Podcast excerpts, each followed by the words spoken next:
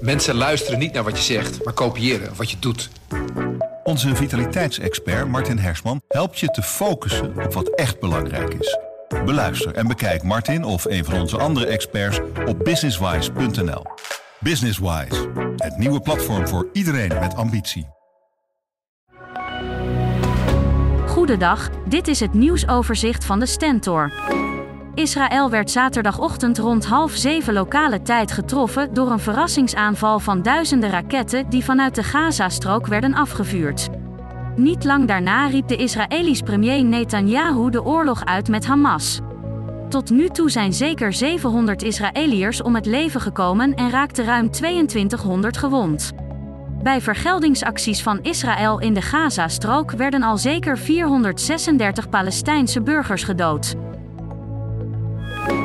De Zweedse vastgoedreus Heimstade zet duizenden huurwoningen in Oost-Nederland in de etalage. Het bedrijf verwacht er de komende twee jaar 450 te verkopen.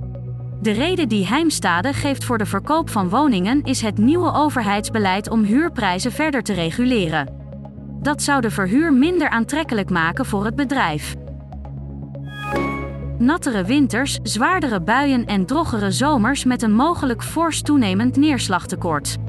Die staan ons deze eeuw te wachten volgens de nieuwe klimaatscenario's van het KNMI. Volgens hoofddirecteur Maarten van Aalst van het KNMI doet Nederland er goed aan zich voor te bereiden op extreme weersverschijnselen die ons haard kunnen gaan raken.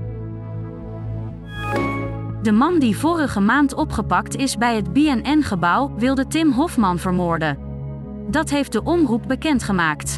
Het personeel van BNN is maandag op de hoogte gesteld. De man liep op 6 september met een vuurwapen en mes het BNN-gebouw in Hilversum binnen.